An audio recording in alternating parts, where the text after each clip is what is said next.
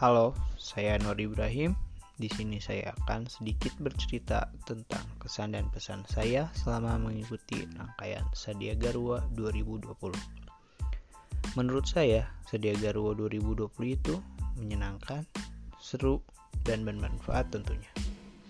Di Sadia Garwa 2020 ini, saya diberi materi-materi yang baru bagi saya dan tentunya membantu dalam perkuliahan saya di kelas atau mungkin materi yang diberikan di Sedia Garwa 2020 tidak akan dipelajari di kelas.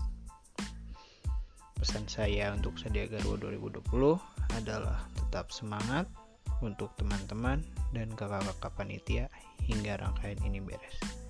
Mantap, terima kasih.